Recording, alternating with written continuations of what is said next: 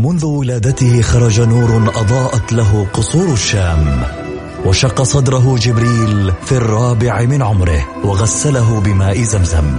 عاش حياته يتيما بلا أب وفقد أمه في عمر السادسة. وبوجوده ورسالته وأخلاقه تغير معه العالم وأصبحنا نسير على سراجه المنير. الآن السراج المنير مع فيصل الكاف على Mix FM. Mix FM هي كلها في ال mix.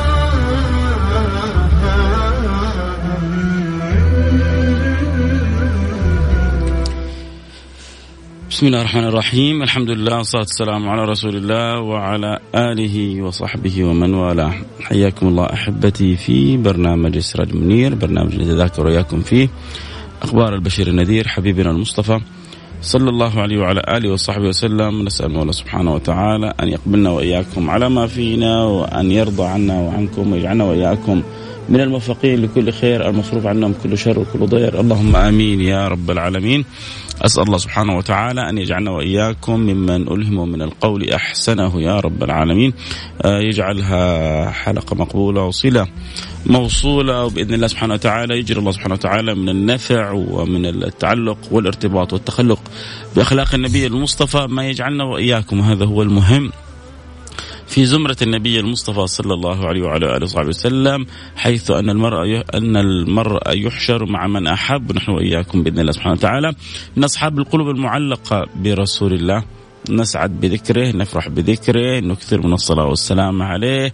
آه، مقرين بأخطائنا وتقصيرنا. سائلين المولى سبحانه وتعالى أن يكرمنا فضلا وتكرما وجودا منه بأن يجعلنا في زمرة النبي المصطفى. وحبيبنا المصطفى أخبرنا عن الحق. أنا عند ظن عبدي بي فليظن بي ما يشاء. آه، اليوم حنتكلم عن خصلة النبي صلى الله عليه وعلى آله وصحبه وسلم عززها في أصحابه وإحنا في الزمان هذا يعني أشد ما نكون حاجة لها. أشد ما نكون رغبة أن يكون لنا نصيب منها. أشد ما يكون لنا رغبة أن يكون لنا أخذ آه، فيها وتلقي لها في مجتمعاتنا بل كثير منا ربما يقول يا ريت يا ليت هذه الخصلة تتعزز في مجتمعاتنا وترجع لأن سبحان الله استقامتها استقامة لكثير من أمور المجتمع ضياعها ضياع لكثير من أمور المجتمع. ألا وهي خصلة الأمانة. الأمانة وما أدراكم ما الأمانة؟ الأمانة التي النبي صلى الله عليه وعلى آله وصحبه وسلم ربط التأخر عنها والتخلف عنها بالنفاق في كثير من الأحاديث. كان دائما النبي صلى الله عليه وعلى آله وصحبه وسلم يربط المتأخر عن أداء هذه الأمانة بال يعني بوجود خصلة من خصل النفاق فيه. كان يقول آية المنافق ثلاث إذا حدث كذب وإذا وعد أخلف وإذا اؤتمن خان. ولما جاء الرجل للنبي صلى الله عليه وعلى آله وصحبه وسلم وساله عن الساعة، متى الساعة؟ كان النبي صلى الله عليه وعلى آله وصحبه وسلم يحدث في مجلس.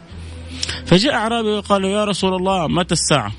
والنبي صلى الله عليه وعلى آله وصحبه وسلم استمر في الكلام. فبعضهم قال انه النبي ما سمعه، وبعضهم قال انه النبي سمعه ولكن ما أراد أن يجاوبه.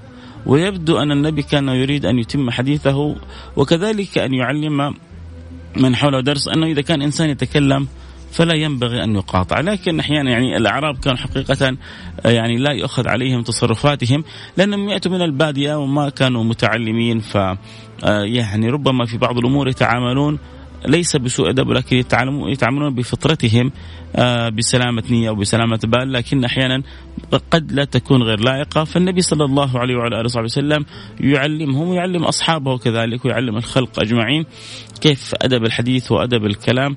كيف ينبغي للإنسان أن ينتظر حتى يتم الإنسان كلامه ثم بعد ذلك يبادره الكلام. النبي لما كان يسمع لأبو الوليد عندما جاء له ليرجعه عن الدين ويعرض عليه عروضه قالوا إن شئت الملك ملكناك علينا وإن شئت المال خليناك أغنى رجل في قريش وإن شئت تعبد إلهنا سنة ونعبد إلهك سنة. يعني اختار واحد من الحلول الثلاثة هذه. لكن تستمر أنت كذا بالدعوة هذه للدين والإسلام والناس كل شوية يتغيروا واللي عندنا كل شوية يسلموا ويتأثروا بك يا محمد ما ما يكون. انت إيش تبغى؟ تبغى فلوس؟ خليك أنت أغنى واحد فينا. تبغى حكم؟ نخليك أنت سيد قريش. يلا. أنا جايك مرسول من من زعماء قريش ونخليك أنت سيد علينا. يعني مصر مصر أنت سنة تتبع ديننا وسنة إحنا نتبع دينك. يا سلام. هي لعبة هي. والدين هذا لعبة. ما هو البعض أصبح عندهم الدين هذا لعبة. والأمانة لعبة. ليش إحنا اليوم بنجيب الموضوع هذا لأهميته في زماننا هذا؟ لما تسمع قضايا فساد هنا وهناك لما تشوف أناس يستسهلون أمر الفساد ويحللونه وبعدين إيش سبب التحليل لهم؟ يا أخي يقول لك الدنيا ماشية كذا الناس كلها كذا. طيب الناس كلها كذا والدنيا ماشية كذا والملائكة حتصير كذا برضو؟ ولا حتكتب عليك كل حاجة؟ أجل إيش فائده هو إحنا بس نظن الجهاد إنك تروح تقاتل؟ أنت تظن الجهاد إنك بس تروح تحارب؟ ليش قيل إنه جهاد النفس أعظم من جهاد الحرب؟ لأنه في أمور كثير مغريات ومشتهيات في الدنيا. إحنا جالسين يعني بنصبر ونصابر نفسنا عليها. ليه؟ طلب رضا رب العالمين. حفت الدنيا بالشهوات. صارت الدنيا مغرية وصارت الرغبات فيها قوية وصارت النوازع إليها كثيرة. حفت الدنيا بالشهوات وحفت الجنة بالمكاره.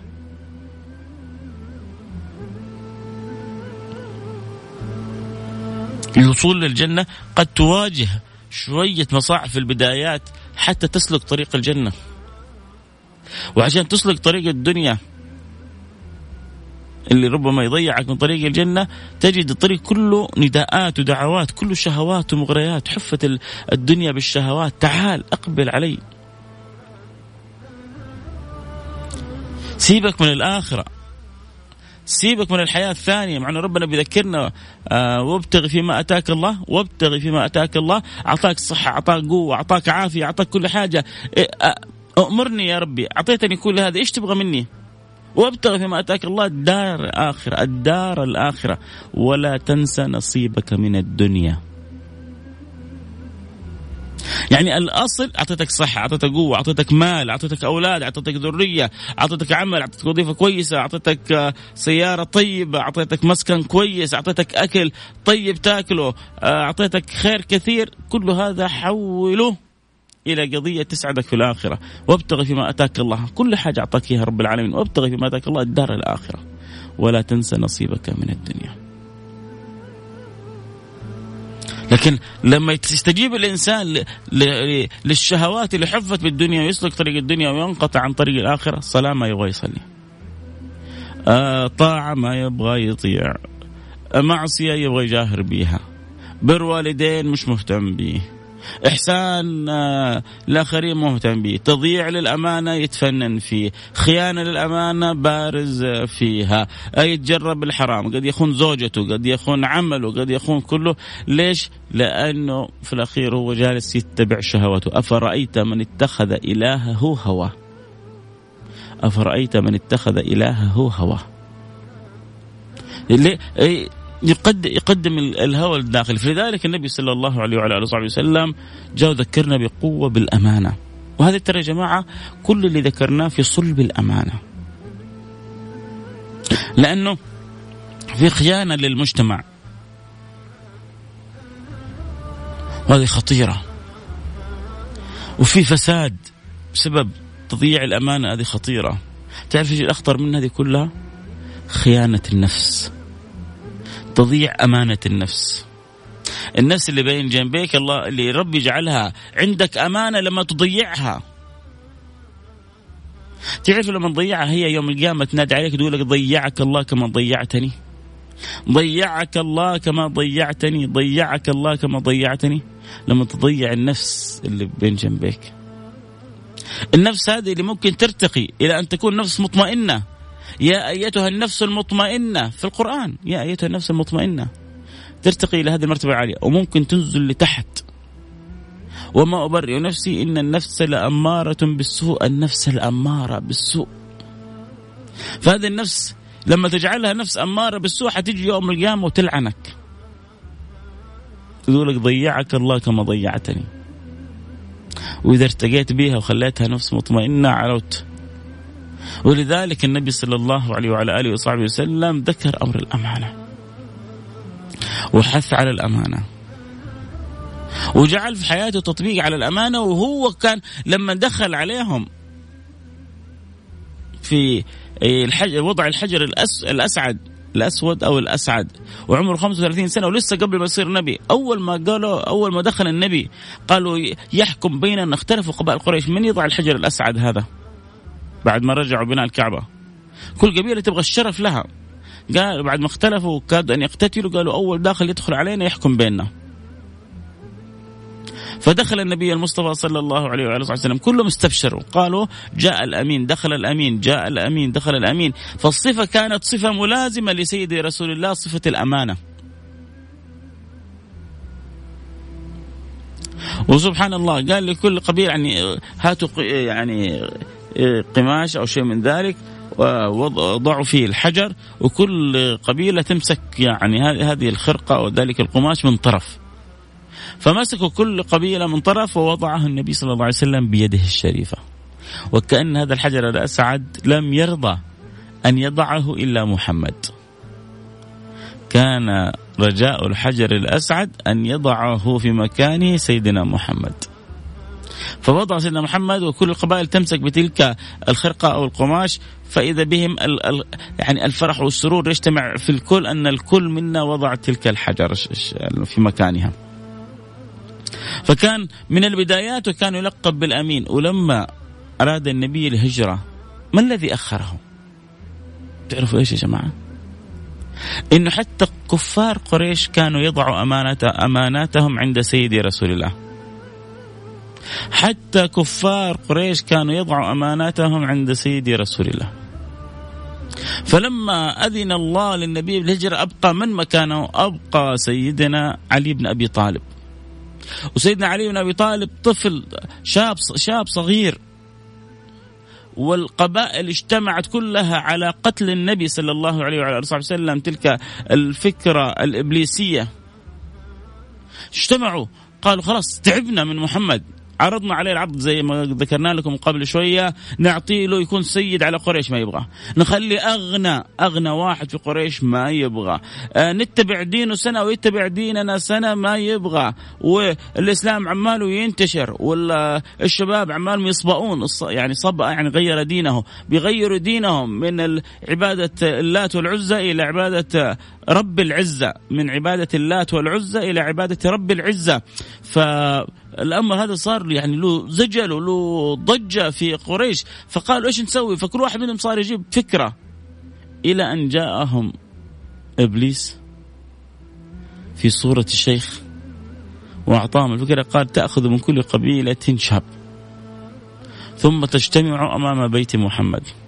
فإذا خرج من بيتي رميتموه كلكم بقوس واحدة فتفرق دمه في القبائل. لا عاد تقدر لا بني هاشم ولا بني المطلب يقابلوا قبائل العرب كلها لأنه لو كانت قبيلة واحدة حتصير قبيلة مقابل قبيلة لكن لما يتفرق دم النبي في القبائل كلها ما في أحد يعني حيقدر يقاومهم. شوفوا شفتوا كيف الفكرة الإبليسية؟ سبحان الله. ولكن ما دروا أن للنبي رب يحميه. للبيت رب يحميه وللنبي رب يحميه. والله يعصمك من الناس. والله يعصمك من الناس. النبي اجتمعوا تحت بيته. وخلك عنده سيدنا علي. وجعله في مكانه. وغطاه بالفراش. وخرج النبي من نفس الباب. ما خرج من باب خلفي وأخذ حفنة من حفنة من التراب وسكبها فوق رؤوسهم فوق رؤوس من أرادوا قتله لأن الله أنزل عليهم النعاس. أنزل الله عليهم النعاس فما استطاعوا أن يقاوموا. فخرج النبي من أمامهم وسكب التراب على رؤوسهم. عشان يقول له أنا ماني خايف بس أنا أقيم سنة الأسباب. النبي لا لا يخاف إلا من خالقه. سيدنا أبو بكر لما كانوا في الغار يقول يا رسول الله لو نظر أحدهم إلى طرفي قدمه لرآنا. قال يا أبا بكر ما ظنك باثنين الله ثالثهما. هي المسألة ما هي لعبة. المسألة ما هي عبث. وإن كنت أنا بالحال هذه لكن المبشرات أمامي واضحة. يجتمع كل القبائل لتقتل النبي وأصحابه في الخندق والصحابة في غاية من الخوف. والنبي صلى الله عليه وعلى آله وصحبه وسلم يضرب الضربة لتلك الحجر يقول فتحت فارس فتحت. يا رجل الآن القبائل كلها جاية جالسة تبغى تقتلك. وأنتم من يعني من صورة الخوف وظاهر الخوف عملتوا خندق عشان ما تبغون يدخلوا عليكم ويحاوطوكم. وأنت تقول أصحابك مش سوف تفتح فارس فتحت فارس. فتحت فارس. ضرب الضربة الثانية قال فتحت الروم. ضرب الضربة الثالثة قال فتحت صنعاء. انتهى الأمر. وانت في صورة الخائف في المدينة؟ يا أبا بكر ما ظنك باثنين؟ الله ثالثهما. لا تحزن إن الله معنا. هذا هذا اليقين اللي فات على كثير مننا. ولما ضعف اليقين ابتلينا بحب الطين. لما ضعف اليقين ابتلينا بحب الطين. بدل ما نطلع إلى معالي الأمور ارتبطنا بسفاسفها وأسافلها. صار وك... وكأنه موعود الله بالجنة وبالفردوس الأعلى وبالمراتب العلى خف كثير في قلوبنا.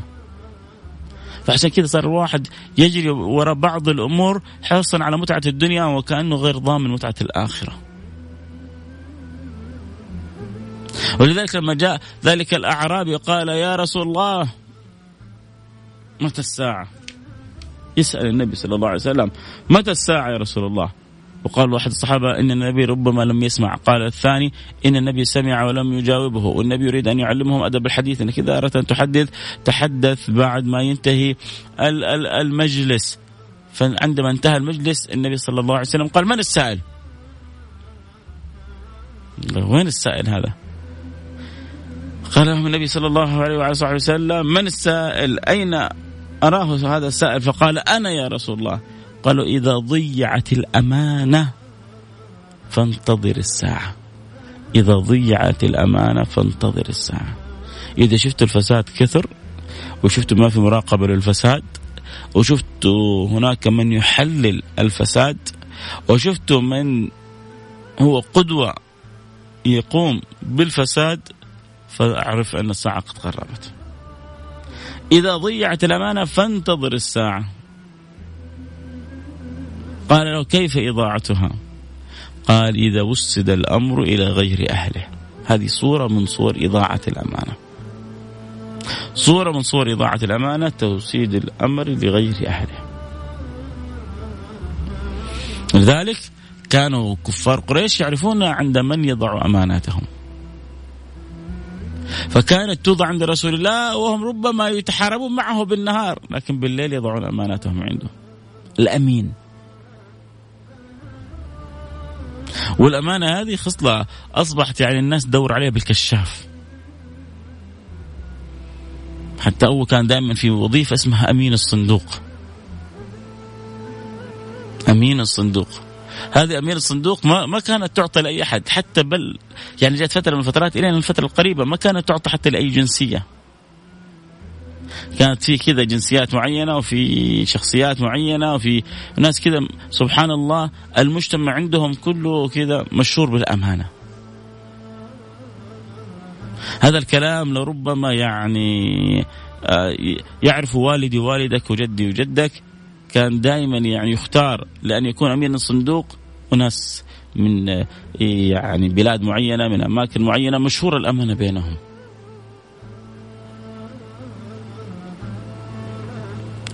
فما أحوجنا يا جماعة أن لا نضيع الأمانة.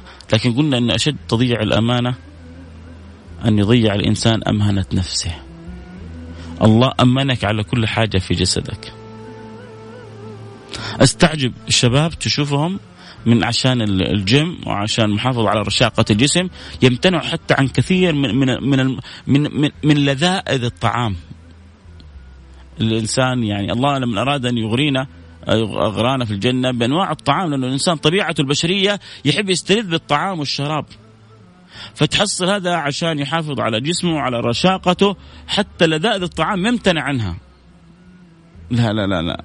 فجميل فأنت عشان جسدك امتنعت عن كثير من اللذائذ. عشان قلبك وروحك وربك هل استطعت أن تمتنع عن عن كثير من الشهوات؟ طبعا نتكلم عن الأشياء الخاطئة والمحرمة. لأن هذا هذا هذا نوع من أنواع تضييع الأمانة. وإذا ضيعنا الأمانة عجل بالساعة. يحتاج الواحد منا أن يأخذ نصيبه من من هذه الأمانة. إن عرضنا الأمانة على السماوات والأرض والجبال فأبين أن يحملنا وأشفقنا منها وحملها الإنسان.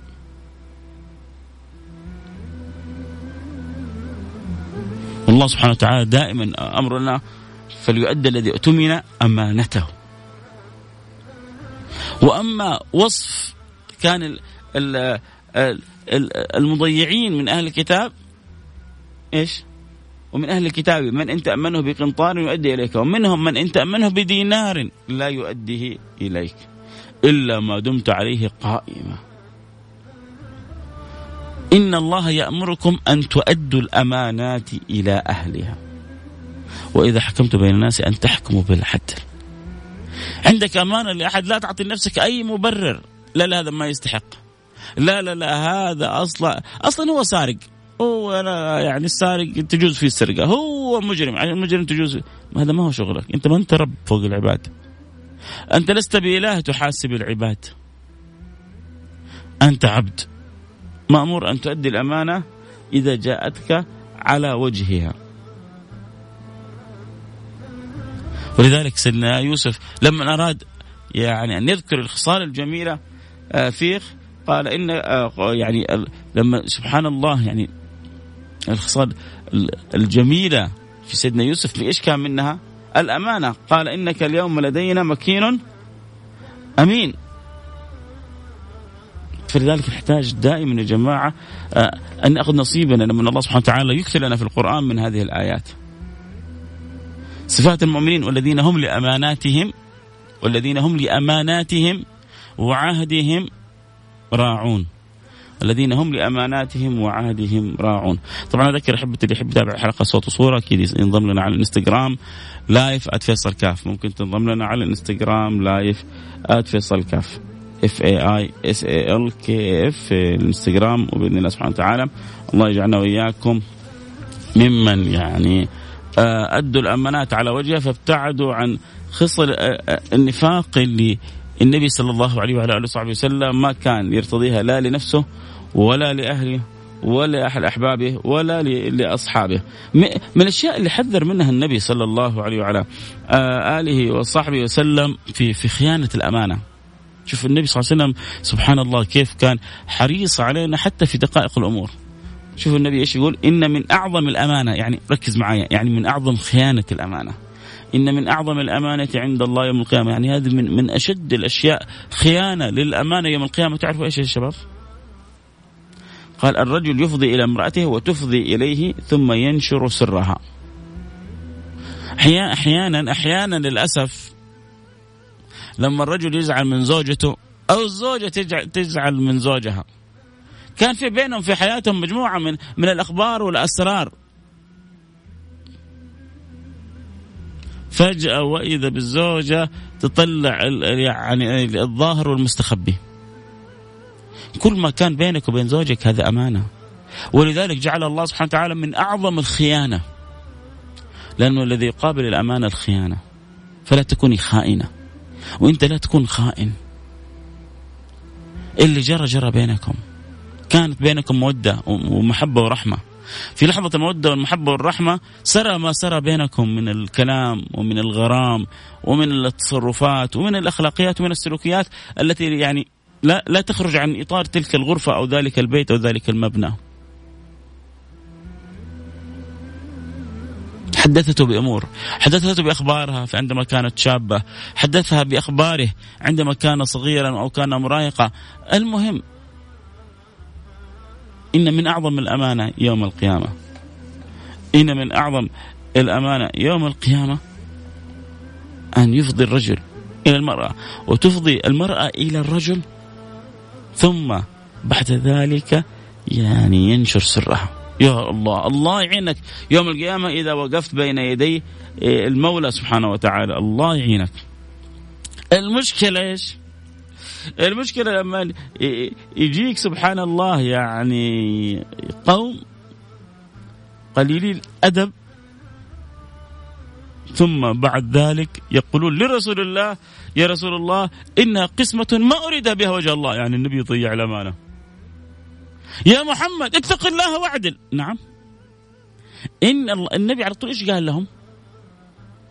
أول كلمة إن الله أتمنني على خزائن السماء ألا تأتمنوني على خزائن الأرض؟ إن الله أتمنني على خزائن السماء. الله سبحانه وتعالى خزائن السماء كلها أتمنني عليها. أنت خزائن الأرض تجي أنت تقول لي يا محمد اتق الله فإنها قسمة ما أريد بها وجه الله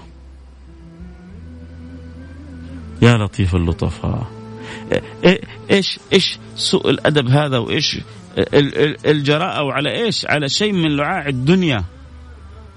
على شيء من لعاع الدنيا تقول للنبي محمد صلى الله عليه وسلم وتخسر يعني نفسك حتى يعني النبي صلى الله عليه وسلم يتكلم فيك وفي ذريتك وفي في قومك. يا محمد اتق الله فإنها قسمة ما أريد بها وجه الله. قال ويلك ألست ولست أحق أهل الأرض أن يعني شيء عجيب. شيء عجيب. إذا أنت تقول للنبي صلى الله عليه وعلى آله وصحبه وسلم اتق الله. شوف هي إذا كان من باب النصيحة ودعوة حتى مع النبي غير لائقة. لأن النبي يعني هو أتقى الخلق وأطيب الخلق وأطهر الخلق. لكن هي ما جاءت كذا هي جاءت بعد قسمة قسمها النبي صلى الله عليه وعلى آله وصحبه وسلم لما جاءت له يعني آه، جاء له الذهب أرسلوا له سيدنا علي بن أبي طالب. فسيدنا رسول الله صلى الله عليه وسلم قسم هذا الذهب بين أربع نفر. بين عيينة بن بدر وأقرع بن حابس وزيد الخيل آه وعلقمة قال الراوي إما علقمة أو عامر بن الطفيل. فقال الرجل كنا حق بهذا من هؤلاء. فبلغ النبي صلى الله عليه وعلى آله وصحبه وسلم فقال ألا تأتمنوني وأنا أمين السماء. ألا تأتمنوني وأنا أمين السماء؟ شوف شوف إيش الكلمة اللي جابها النبي؟ جاب كلمة الأمانة لفظ الأمانة. إحنا محتاجين الأمانة يا جماعة في وقت الآن تشعر إنه البعض صار يستسهل أمر الفساد، إما الفساد في العمل، إما الفساد في الوظيفة، إما الفساد في البيت. آه الزوجة تجي اتصالات آه أشعر بخيانة من زوجي، بعض ال ال بعض البيوت للأسف تشعر أحيانا العكس، الزوج يعني عنده شيء من الشك في الزوجة وأكثر ما يعني حصل وجعل هذه التجرؤات موجودة للأسف وسائل ال social media. وسائل ال social media فتحت من أبواب الصلات والعلاقات الغير صحيحة.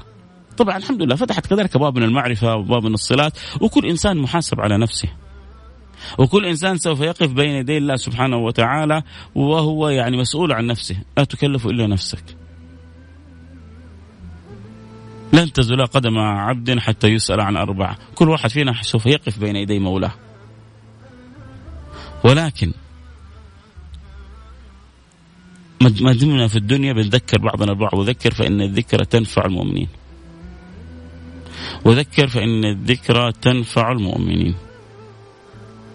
فلذلك يحتاج الواحد منا أن يسمع وأن يلتفت وأن ينظر. وكيف كان النبي صلى الله عليه وعلى آله وسلم يعني يستحثنا على هذه الأخلاق وهذه الخصال ويعني يبحث ويسأل نفسه.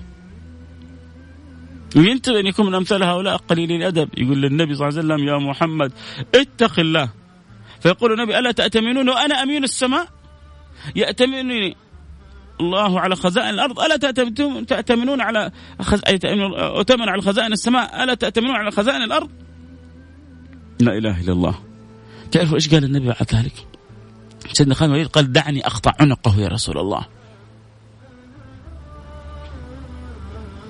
قال لا لعله أن يكون أن يصلي. يعني عنده ظاهر الإيمان فما نبغى انه النبي نقول انه النبي يقتل أصحابهم.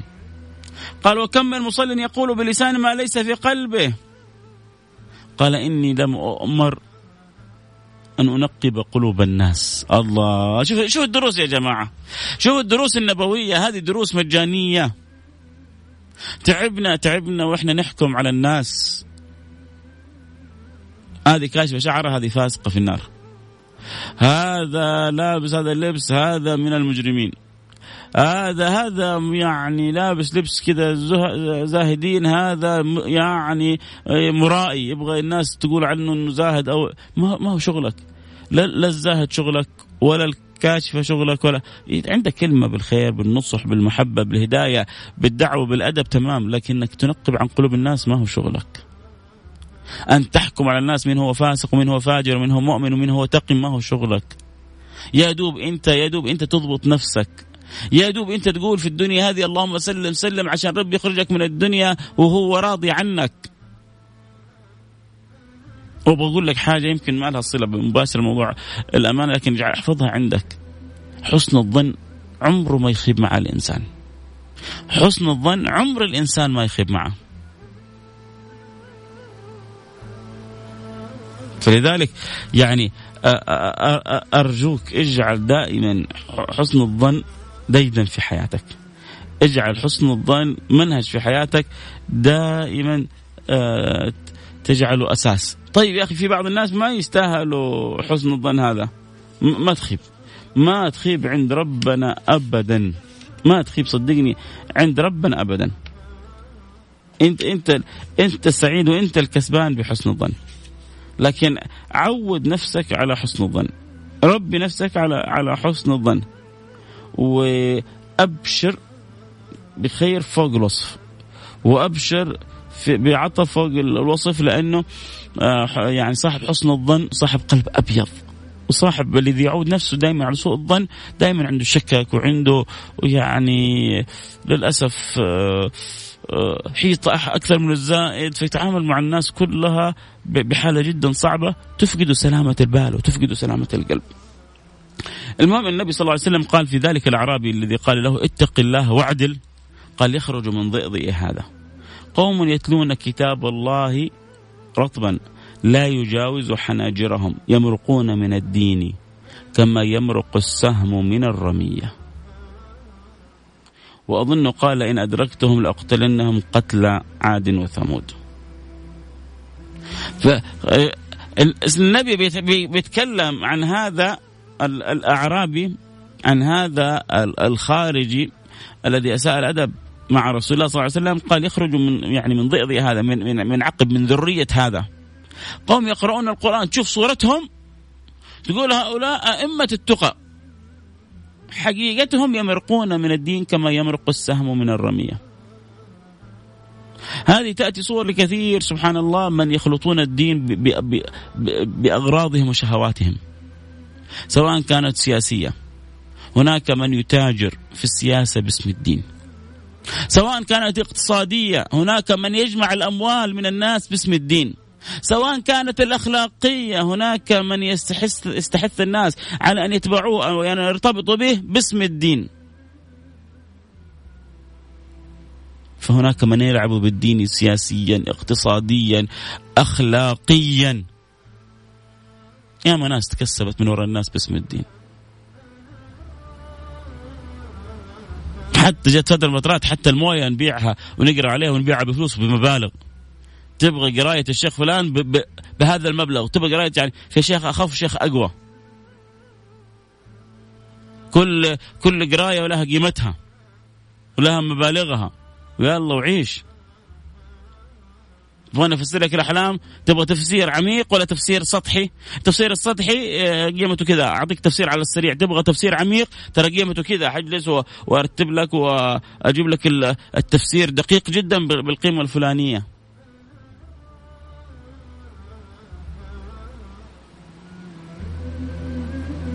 أجي أبغى أفتح مشروع بعضهم عشان أبغى أفتح مشروع هو أصلا ما له صلة هو لا رب لحيته عشان سنة ولا بس يعرف إنه الناس تنخدع باسم الدين فيروح يربي لحية ويمسك له سبحة ويحط له مصحف وإذا دخل عليه الواحد من المكتب آه ظبط الصورة كلها ليه؟ لأنه يعرف إنه الناس قلوبها طيبة وتنخدع باسم الدين. فيقوم باسم الدين يتاجر على الناس.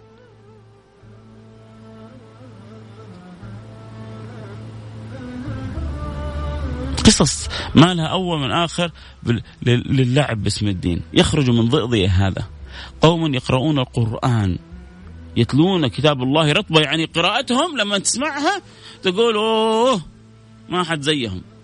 شيء. ولذلك تجد في بعض المجتمعات كل اهتمامهم بإتقان القراءة. لكن لو تجي تساله في أحكام الفقه النبي يقول من يريد الله به خيرا يفقهه في الدين. ما لهم في الفقه ابدا. كل اهتمام فقط إتقان أحكام القراءة. لا طب هل هو عيب؟ اتقان لا بالعكس شيء مشرف شيء عظيم. لكن ينبغي أن يكون عندنا اهتمام بقراءة القرآن اهتمام بتعلم الأحكام الشرعية. يعني الإنسان يكون متزن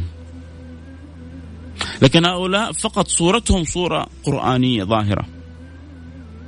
لكن القرآن ما لو لو القرآن وصل لقلوبهم كان نور قلوبهم. مشكلة لا أن القرآن لا يتجاوز حناجرهم يمرقون من الدين كما يمرق السهم من الرمية. النبي يقول ان وجدتم لقتلنهم قتل عاد لأنه يعرف انه حيجون بعدين هم. يخرجوا من ضئضئ هذا. سيدنا عبد الله بن مسعود يوم من الأيام كان يشتغل عند عقبة بن أبي معيط فالنبي صلى الله عليه وسلم مر عليه. قال له عندك شاة فيها حليب فيها لبن؟ قال نعم ولكني مؤتمن إن كان مؤتمن. أنا ما ما أقدر أعطيك. منها يا, يا, يا محمد. قال طب ألديك شاء؟ لم يبض لها شيء. ما يعني ما في. ألديك شاء؟ لم يبض لها شيء. قال نعم قال ائتني بها. فمسح النبي على ضرعها. فأصبحت تبض باللبن. الله! هذا لبن ما هو من الدنيا هذا لبن من السماء ده. زي يوم من الأيام لما جاء الصحابي وقال يا رسول الله لقد أجدبت الأرض لقد يعني هلك الزارع ما في ما في ما في مطر. فالنبي صلى الله عليه وسلم صلى صلاة الاستسقاء سيدنا أنس يقول ما في السحاب ما في السماء سحابة. السماء صافية. فتجمع السحاب من كل مكان وسقط المطر. حتى رجع هذا الصحابي بعد أسبوع عند النبي وشكى له كثرة المطر فقال اللهم حوالينا ولا علينا. اللهم حوالينا ولا علينا. فما كان من النبي المصطفى إلا أن دعا فتفرق آه، المطر. الشاهد إنه سيدنا عبد الله بن مسعود لما النبي صلى الله عليه وسلم قالوا ائتني بشاء يعني لم يبض لها شيء. فجاء له يعني بتلك الشاة فمسح النبي صلى الله عليه وعلى آله وصحبه وسلم على ضرعها ف يعني امتلأت لبن. فشرب سيدنا رسول الله وشرب معه سيدنا أبو بكر الصديق. يا بخت يا, يا بخت سيدنا أبو بكر الصديق. يا بخت سيدنا أبو بكر الصديق كم كم سعد بصحبة النبي المصطفى. الله. حتى في الهجرة والناس كلهم يفرون بدينهم قال له الصحبة يا رسول الله. أنا إذا أبغى أروح أهاجر أبغى أهاجر معك. إذا أبغى أخرج أبغى أخرج معك. إذا أبغى أسافر أبغى أسافر معك. يا جماعة سيدنا أبو بكر الصديق يغبط. الغبطة يعني هي الحسد المحمود. أيوه نحسد حسد. من هنا لين بكرة الحسد المحمود. اللي هو نتمنى نصير شيء مثله مع عدم زوال النعمة. هذا الحسد المحمود. ما تتمنى زوال النعمة ولكن تتمنى أن يكون لك نصيب مثله. النبي النبي يقول لا حسد إلا في اثنتين. رجل اعطاه الله علم ورجل أتاه الله مال. علم يعلم به الاخرين ومال ينفقه في سبيل الله. هذا اللي هذا اللي تحسده. إحنا الآن نحسد مين؟ اللي عنده بنتلي اللي عنده قصر اللي عنده بيت على البحر اللي في رصيده مليارات اللي هذا اللي صرنا نحسدهم. لأنه صارت قلوبنا معلقة بهم. بين النبي النبي يوجهنا إذا تبغى تحسد وحسد حلو طيب اللي يستحقوا اللي يستحقوا أن يحسدوا واحد عنده علم عالم جالس يعلم الناس. ليه؟ لأن الذي يعلم الناس ثم يموت وهو معلم للناس لم يكن بينه وبين النبوة إلا درجة النبوة. من مات وهو يعلم الناس لم يكن بينه وبين النبوة إلا درجة النبوة. من العلماء ورثة الأنبياء. النبي وبعده العالم على طول. طبعا أنا فتحت التفسير وكذا وعندي الإنستغرام ما شاء الله مشتغل حريقة في الكلام عن التفسير وعن الرؤى وعن المشايخ اللي يفسروا عن الشيخات والشيخ الروحاني والشيخ الروحانية. والمشكلة انه يعني أتفاجأ أتفاجأ من أناس عقلاء يقول لي تصدق أنا في اليوم الفلاني اتصلت من الضيق والطفش اللي فيها اتصلت على فلان وعلى علان وعلى فلانه وعلى علانه وقالوا لي كذا وصار كذا. يا رجل سبحان الله كيف أحيانا بعض الناس تسلب عقولهم في لحظات. يغلب يغلب يغلب على هؤلاء الدجل. وقد يكون عندهم شيء من استراق السمع الضعيف البسيط يعطيك معلومة واحد في صحيحة والباقي كله مؤلف مركب عليها. وانت تاخذ يعني المقلب وتشرب وتبلعه وتصدق. مأساة حقيقة. طبعا أذكر اللي يحب يتابع الحلقة أكيد صوت وصورة ينضمون على الإنستغرام live @فيصل كاف F A I S A L K A F فالمهم سيدنا عبد الله بن مسعود بعد ما أعطاهم تلك الشاة التي ما فيها حليب فمسح النبي على ضرعها فضجت باللبن آه، وامتلأت باللبن فشرب وسقى أبا بكر ثم قال للضرع اقلص اقلص اقلص اقلص فرجعت كما كانت. فقال يا رسول الله علمني من هذا القول. الله الله الله الله. يا يا يا عيني عليك يا سيدنا ابن مسعود. وش ذا القول اللي قلته؟ وكانت الضرع فاضي وفي ثواني امتلأ. علمني من ذا القول. مين فينا وفيكم ما يتمنى يتعلم هذا القول؟ إيش إيش إيش القول هذا؟ تمسح كذا إيش هو؟ اللهم صل على سيدنا محمد. ماكينة هي؟ تمسح بس كذا واللبن يجي من كل مكان ويمتلئ الضرع. وسيدنا عبد الله مسعود يشوف قدام عينه ويشاهد. ثم بعد ذلك يقول له اقلص اقلص فترجع زي ما كانت. يا رسول الله قلت علمني من هذا القول. قال فمسح النبي على رأسه. وقال يرحمك الله فإنك غليم معلم. الله. فإنك غليم معلم. أتابعك أنا بالسيارة سيدي لي الشرف والله اللي يتابعني بالسيارة. اللي يبغى يتابعني من البيت ينزل تطبيق مكس إف إم. ويقدر يسمع يعني ميزة تطبيق مكس FM حتى لما تلغي الصفحه تفتح واتسابك تفتح برامجك الصوت مستمر معك. فممكن تنزل تطبيق مكس ممكن تتابعني يعني إذا تحب صوت وصوره عبر الانستغرام آه، live. آه، كلها طرق للتواصل والله يجعل بيننا آه، الخير دائر. اللهم آمين يا رب العالمين. عموما ما أبغى أطول عليكم جماعة يا سادتي أكثر ولكن يعني أبغى أذكر نفسي وأذكركم بهذه الخصلة. فسيدنا رسول الله كان يعلم الأمانة، كان يستحث على الأمانة، كان يحذر من تضييع الأمانة، كان يصف أصحابه بالأمانة لما جاءوا أهل نجران وطلبوا إنه يبعث معهم أحد بس يعني أحد آه، ثقة، قال أبعثن معكم رجلا امينا حق امينا. فبعث سيدنا ابو عبيدة عامر بن جراح أمين هذه الأمة. هذا سيدنا أبو عبيدة إيش عمله؟ تعرف إيش عمله يا جماعة؟ حانوتي. يا حفار قبور. عمل بسيط صح؟ لكنه أمين هذه الأمة. أمين هذه الأمة سيدنا أبو عبيدة عامر بن الجراح. عمره ما كان العمل عيب ولا كان كثير مننا ما يعرف إيش وظيفة هذا الصحابي أو ذاك الصحابي. بعض وظائفهم بسيطة. هذا سيدنا عبد الله بن مسعود كان يرعى الغنم ويخدم عند من؟ عند أشد الناس أذية للنبي المصطفى عند عقبة بن أبي معيط ومع ذلك كان النبي يلاطفهم ويأخذ بخاطرهم ويحبهم ويدللهم ويقربهم ويدنيهم كيف تعمل أنت عند عدوي؟ كيف أنت تعمل عند عدو الله؟ كيف أنت؟ ما نهرهم ولا زجرهم ولا لا لا وجاء عنده وأخذ من الشاة ومسى على ضرعها وسيدنا عبد الله بن مسعود يشوف الكلام ده كله ويشوف التصرفات هذه كلها ولا وذكي سيدنا عبد الله سيدنا عبد الله بن مسعود يا رسول الله علمني من هذا القول. إيش القول هذا الحلو؟ إيش إيش إيش الدعاء الحلو ده؟ في ثواني اللبن يعني ينبض ويضج بضرع تلك الشاة. شاة ما فيها شيء. يمسح النبي على ضرعها. ويتمتم بكلمات ثواني وإذا بالضرع يمتلي ويشرب سيدنا رسول الله ويشرب سيدنا أبو بكر إلين يشبع ومعاهم سيدنا عبد الله بن مسعود وينتهي الأمر وبعد ما يخلص النبي يقول للضرع اقلص اقلص فيرجع كما كان. يا رسول الله علمني من ذا القول. هنيئا هنيئا هنيئا هنيئا هنيئا لقلوب معلقة برسول الله صلى الله عليه وعلى آله وصحبه وسلم. آه المهم إن النبي استحث على الامانه الله سبحانه وتعالى أمرنا أن نؤدي الأمانات. آيات كثيرة استحثنا فيها. آية وراء آية لا لشيء إلا لأن هذه الخصلة التي تليق بالمؤمن. هذه الخصلة التي تليق ب بالواحد منا فليؤدي الذي أؤتمن أمانته في كل حاجة في عملك مع زوجتك مع أولادك في بيتك. فليؤدي الذي أؤتمن أمانة. الله أعطاك أمانة. الأولاد اللي جبتهم أمانة مو كل يوم تروح القهاوي وتضيعهم.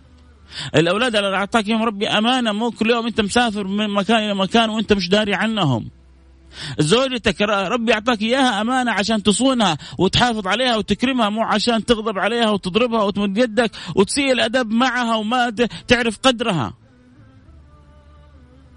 ربي حطك في وظيفتك آه، أمانة تستلم عليها راتب تستلم عليها مهمة مو عشان يا فلان لو سمحت دق علي دق لي الكارت ويا فلان سوي لي العمل ويا فلان اكتب لي التقرير يا فلان آه اليوم ماني قادر آه شوف أقرب كذبة واقولها للمدير يا يا فلان ترى اليوم أنا ما أقدر أجي. عندي إصابة هو جالس نايم في بيته أو مسافر أو متمشي. فليؤدي الذي اؤتمن امانته ربي أعطاك أمانة أديها.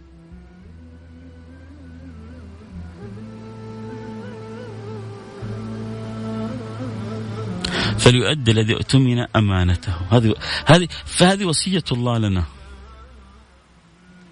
إن الله يأمركم أن تؤدوا الأمانات إلى أهلها.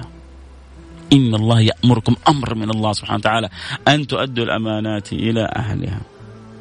إن عرضنا الأمانة على السماوات والأرض والجبال فأبين أن يحملنها وحملها وأن يحملنها وأشفقن منها. فأبين أن يحملنها وأشفقن منها وحملها الإنسان. إنه كان ظلوما جهولا أي إذا ضيعها. ما بطل عليكم أكثر الوقت جرى بينا والكلام الحلو معكم ما ينتهي لكن هذه وصية رأينا فيها كيف أن النبي صلى الله عليه وسلم كان يسمى من بداية حياته بالأمين من قبل حتى أن تأتيه النبوة كيف النبي صلى الله عليه وسلم كان يتحدث عن أمانته أن الله كيف أتمنه في خزائن السماوات وخزائن الأرض كيف النبي صلى الله عليه وسلم ربط عدم الأمانة بالخيانة بالنفاق وربط دائما بخصال آه، النفاق وكيف ذكر بعض التفاصيل المهمة في الأمانة ومنها كيف الأمانة تكون ما بين الزوج والزوجة لأنه هذه العلاقات هي أوثق العلاقات وأقواها وذكر أنه تفضي الرجل المرأة لزوجها ويفضي الزوج لمرأته ثم بعد ذلك ينشر سرها. هذه من أعظم خيانة القيامة من أعظم خيانة الأمانة يوم القيامة. يعني لما كذا توقف بين يدي ربنا وفي كذا مصايب كبيرة من أعظم مصايب الخيانات أن يخون الزوج زوجته أو زوجة زوجها فيما يكون بينهم. كنتوا في ساعة حب وتكلمتوا حكيتوا أنت قلت أنا إيش كنت أسوي؟ أنت هي قالت إيش كنت تسوي؟ تيجي تتزاعلوا تقوم الزوجة تنشر غسيل زوجها تتزاعلوا يقوم الزوج ينشر غسيل زوجته تتفارقوا تيجي كل واحد يطلع عيوب الثاني عيب عيب كل واحد فينا ينبغي أن يستر، كل واحد فينا ينبغي بان بالخير يذكر، اذكروا محاسن موتاكم، العلاقة هنا زوجية لما انت خلاص علاقة ميتة، اذكروا محاسن موتاكم، هنا برضو تذكر المحاسن. إيش اللي شفت منها طيب؟ إيش اللي شفت منها كويس؟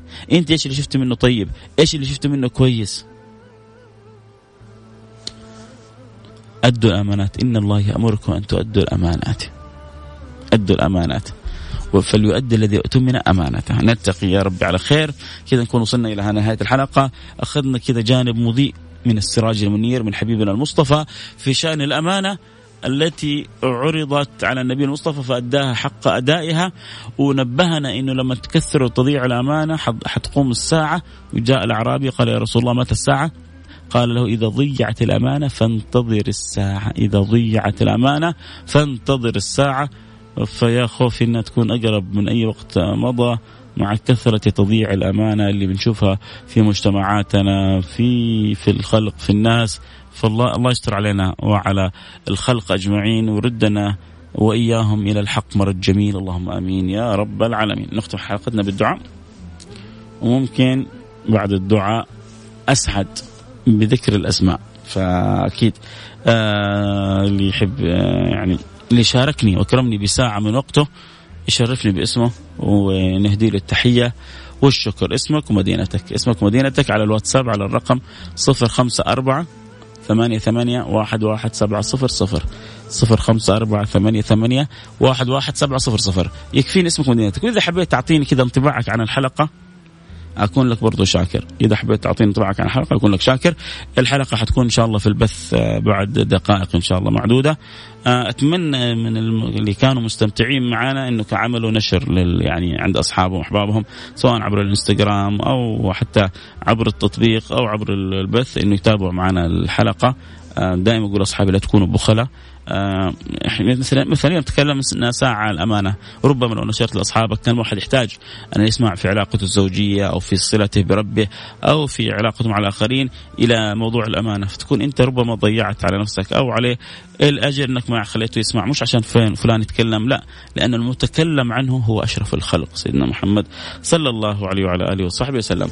آه نبغى كذا نبغى بقلوب صادقة نقول يا رب يا جماعة. آه ربما أنا ما عندي من الصدق ما يكون عندك أو يكون عندك. فأنت ربما تكون محبوبة عند رب العالمين أو تكون أنت محبوب فتقول آمين فيستجيب الله لنا كلنا. فنبغى نتوجه بقلوبنا ونقول يا رب بسم الله الرحمن الرحيم الحمد لله رب العالمين وأصلي وسلم على المبعوث رحمة العالمين سيدنا حبيبنا محمد وعلى آله وصحبه أجمعين. اللهم يا واحد يا أحد يا فرد يا صمد يا حي يا قيوم يا رحمن يا رحيم يا من لا تخيب من دعاك ولا ترد من رجاك. ليس لنا مولى سواك فندعوه ولا رب غيرك فنرجوه. نسألك أن تقبل دعانا نسألك أن تكرمنا نسألك أن تتفضل علينا نسألك أن تجعلنا من أقرب الخلق إلى رسول الله صلى الله عليه وعلى آله وصحبه وسلم، اللهم اجعل لساننا رطبة بذكرك وذكر نبيك، واجعل قلوبنا عامرة بحبك وبحب نبيك، واجعل فكرنا منشغل بك وبنشر دينك وبخدمة رسولك يا رب العالمين، ربنا لا تشغلنا إلا بما يرضيك عنا ربي لا تشغلنا إلا بما يرضيك عنا ربي لا تشغلنا إلا بما يرضيك عنا ربي لا تجعلنا إلا حيث ارتضيت لنا.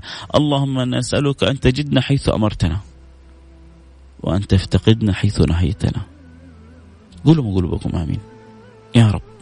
اللهم نسألك أن تجدنا أن تجدنا حيث أمرتنا وأن تفتقدنا حيث نهيتنا وأن تجعلنا كما تحب وترضى وأن ترحمنا برحمتك الواسعة إنك أرحم الراحمين. نسألك أن توسع لنا في أرزاقنا وأن تقضي عنا ديوننا وأن تشفينا من جميع أمراضنا ما ظهر منها ما بطن وأن تقوي ما ضعف فينا. يا قوي يا متين يا قوي يا متين يا قوي يا متين. اكفي شر الظالمين أصلح الله أمور المسلمين صرف الله شر المؤذين. يا علي يا كبير يا عليم يا قدير يا سميع يا بصير يا لطيف يا خبير يا فارج الهم يا كاشف الغم يا من لعبده يغفر ويرحم. أستغفر الله رب البرايا نستغفر الله من الخطايا والذنوب. نستغفر الله رب البرايا نستغفر الله من الخطايا والذنوب. اللهم يا عظيم السلطان يا قديم الإحسان يا دائم النعم يا كثير الجود يا واسع العطاء يا خفي اللطف يا جميل الصنع يا حليما لا يعجل صل يا ربي وسلم على سيدنا حبيبنا محمد وعلى آله وصحبه أجمعين.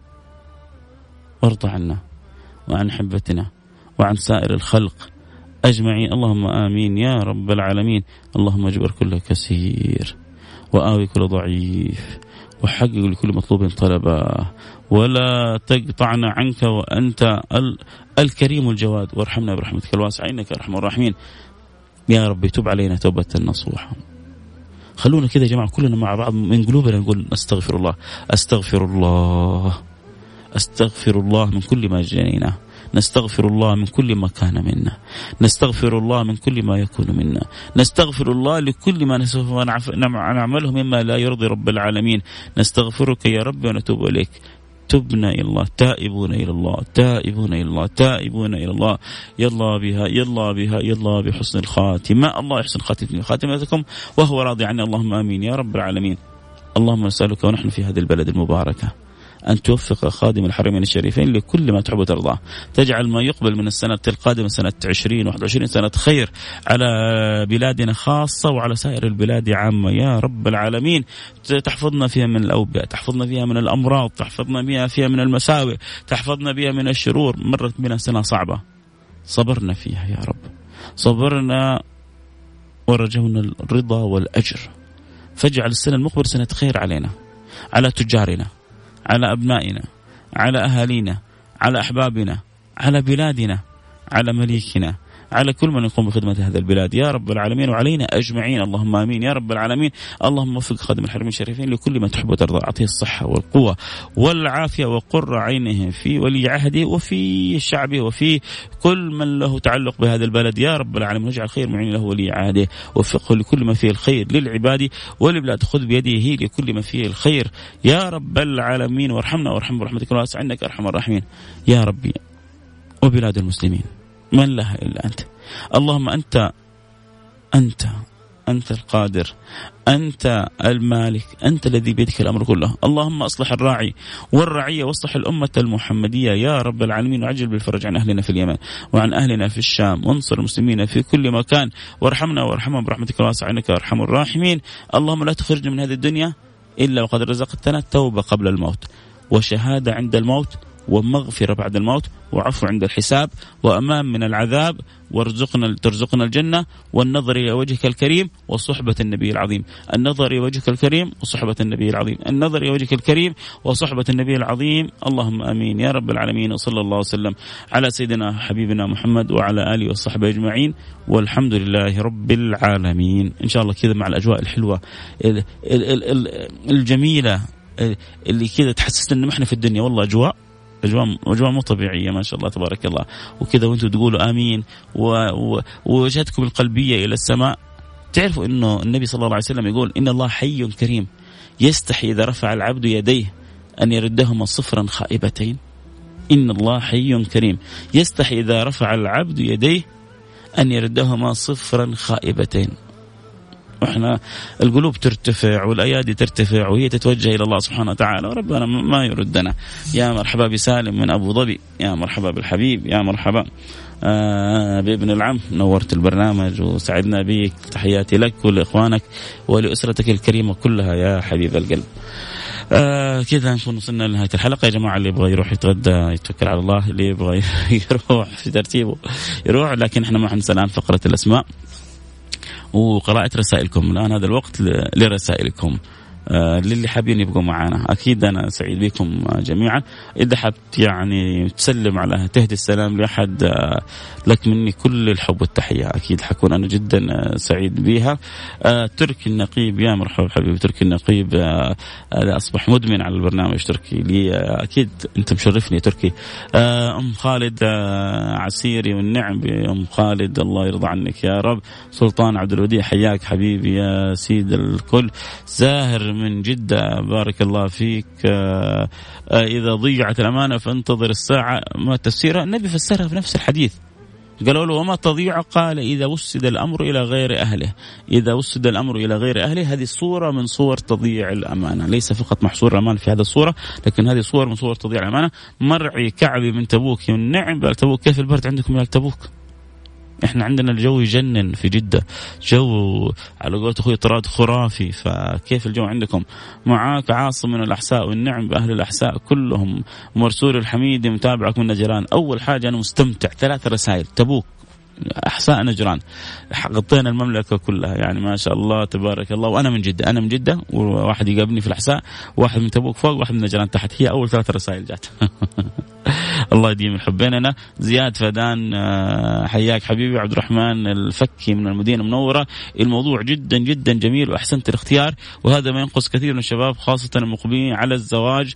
آه، حياك يا سيدي صالح بن حاجب من جدة والنعم حبيبي صالح. أبو رائف من جدة حياك يا آه، أبو رائف. وصالح الدين صلاح الدين سوري من الرياض والنعم بآل سوريا بآل الرياض كلهم دعونا لكم من الله يعجل لكم بالفرج آه، في, في الشام إن شاء الله.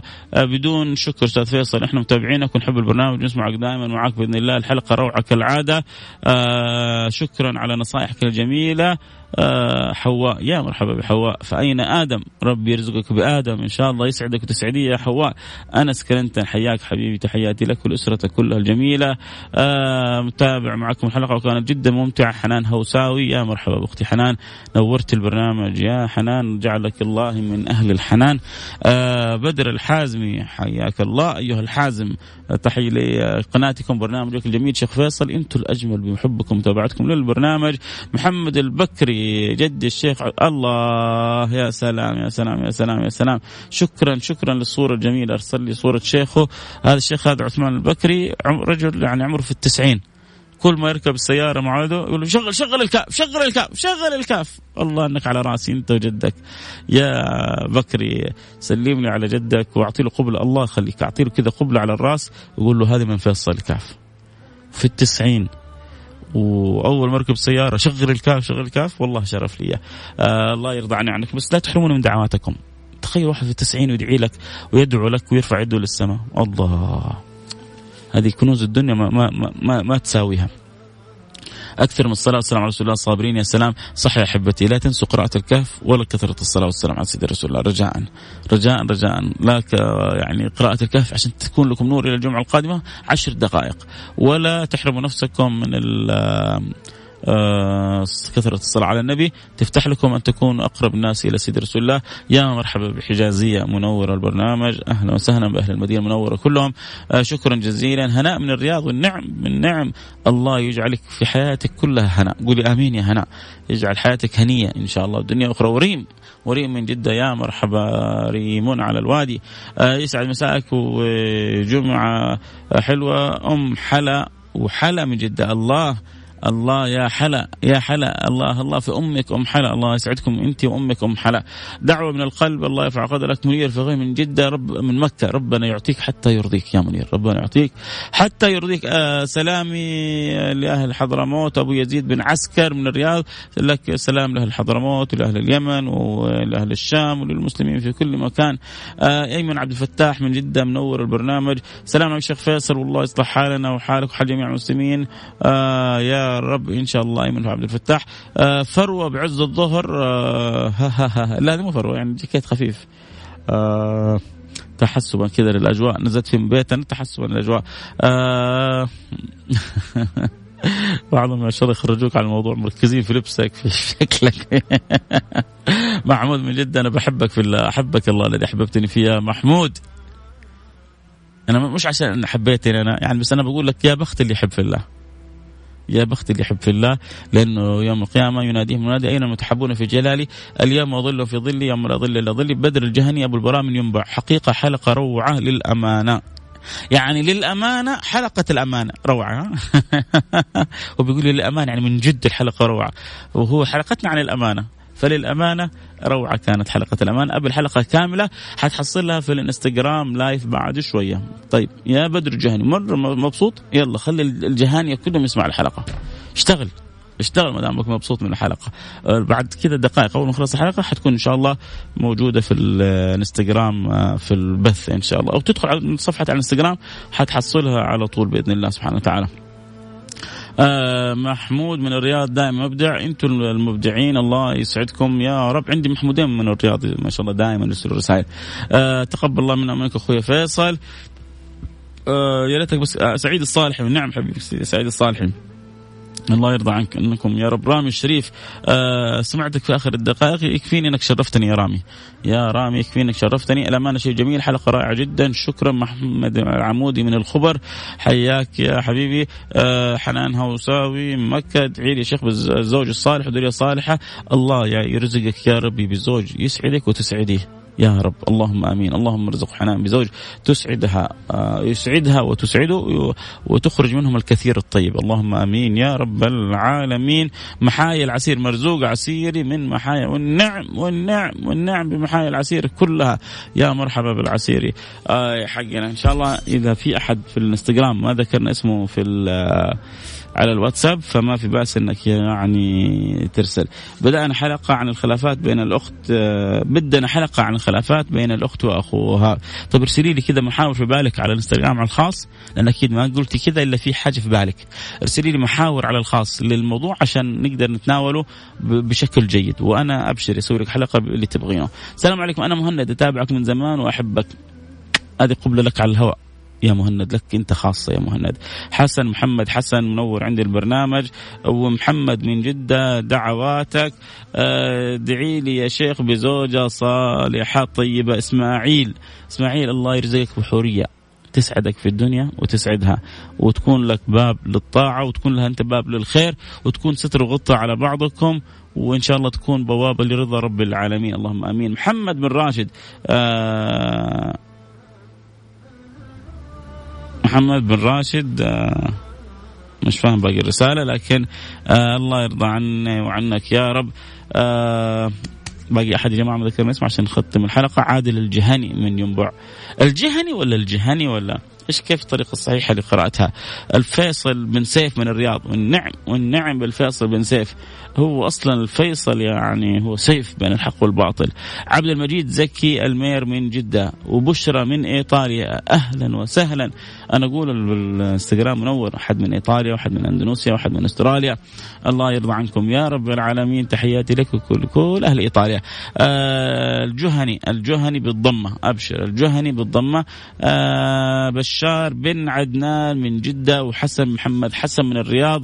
آه يا شيخ أحبك في الله ادعي لي بوظيفة آه صالحة. الله يرزقك وظيفة تغنيك وتكفيك ولا تحوجك لأحد ويكون رزقها حلال طيب مبارك يا رب. إن شاء الله. وتهاني الحكمي من جدة وصالح العمودي من آه، تهاني حكمي وصالح العمودي من جدة.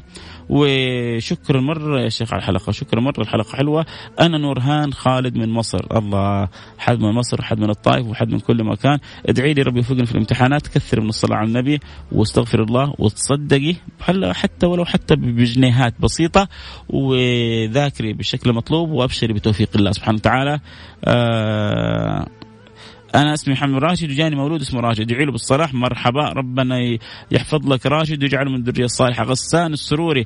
يا مرحبا حبيبي غسان السروري. يا شيخ لي ست سنوات متزوج. دعوة منك من متابعينك بالذريه الصالحة. الله يرزقكم الذريه الصالحة. الله يرزق الذريه الصالحة. الله يرزق الذريه الصالحة. الله يرزق الذريه الصالحة. يجعله مولود يخرج بالسلامة ويكبر ويتربى في عزك بإذن الله. قولوا آمين. ست سنوات هو متزوج ولسه ما رزق لكن إن شاء الله خير. ربنا قريب بإذن الله. سبحانه وتعالى عبد الله بن عبد بن عبدات الحلقات آه كيف حالك يا شيخ شكلك من الأردن؟ آه عبد الصمد المجيدي من اليمن والنعم بك يا عبد الصمد المجيدي من اليمن فمن اليمن من آه إيطاليا من مصر من إندونيسيا من أستراليا نعمة أحيانا بعض الحلقات يتابعون حتى ناس من أمريكا فهذه الوسائل سبحان الله يعني كذا تستخدم في الخير كيف إنك توصل صوتك إلى كل مكان. عقبال ما يجونا إن شاء الله متابعين من تشيلي وبيرو والأرجنتين من الدول هذه اللي لسه ما نعرف فيها أحد. لكن فضل الله واسع. أبو عبد الله محمد الكاف أبو أحمد والنعم والنعم والنعم والنعم. بالحبيب الغالي محمد الكاف أبو أحمد. نورت البرنامج عندي يا أبو أحمد. يا مرحبا بالحبيب يا مرحبا بالقريب. اسرار الحكمي و ادعوا لي بالولد الصالح. الله يرزقكم الذريه الصالحه كذا نختم الحلقة عشان ما تطفشوا. يكفي. ارحموا والديكم عشان زي ما يقولوا يعني نخلي من الحب جانب. ما هو لما تشبع من الواحد خلاص يصير خلاص بعد كذا. ما يبغى يسكت هذا. ما شاء الله تبارك الله. ولكن أنتم ما شاء الله رسائلكم ما ما تنقطع. أحمد الشعراوي خلاص اخر آخر ثلاث أربع أسماء وحختم الحلقة. بس وحدعو إن الله يديم الحب بيني وبينكم ويجعلني وإياكم من أصدق الناس في حب رسول الله. اللهم صل وسلم وبارك عليه. ادعو لابني سليم الله يرضى عنك وعن ابنك سليم. أجمل مذيع في الدنيا. أنت في المملكة بدون مجاملة منير الفقيه من مكة. حسن ظنك يا منير الله يرضى عنك يا رب العالمين. آه آه آه، يكثر محبينك اللهم آمين. تركي من المنطقة الشرقية محافظة الأحساء ما شاء الله حلقة في قمة الروعة. آه عندي مثل يقول إذا راحت الأمانة اتقي شر الخيانة. آه صدقت أبو ركان الشنطي يا مرحبا بك. وربنا يديم الخير. وفي أمان الله. سالم يقول الوالدة تسلم عليك. آه سالم كذا قبلة. آه، على على على الرأس. يقول له هذه من من فيصل. والقلوب مشتاقة. وربنا يجمعنا قريب إن شاء الله. وربنا يديم المحبة والألفة والمودة بيننا. اللهم آمين يا رب العالمين. آه، أنا حروح أستمتع بالأجواء. الأجواء في جدة فوق الوصف. أنا والأولاد طالعين البحر بعد شوية. فلازم أنهي الحلقة عشان أبدأ أرتب الأمور. نلتقي معكم على خير. في أمان الله. غسان. أنا بجوار حبيب خصني بدعوة والمستمعين. شوف أنا خدمت الحلقة بس أنت لما قلت لي أنا بجوار الحبيب لو أرجع أكمل الحلقة كلها من جديد. طالما أنت بجوار الحبيب خصني بدعوة. الله يرضى عني وعنك وعن جميع المسلمين. اللهم آمين. في أمان الله. سبحانك اللهم وبحمدك أشهد أن لا إله إلا أنت أستغفرك وأتوب إليك. وصيتي كثر من الصلاة على النبي وأقرأ سورة الكهف وفي أمان الله.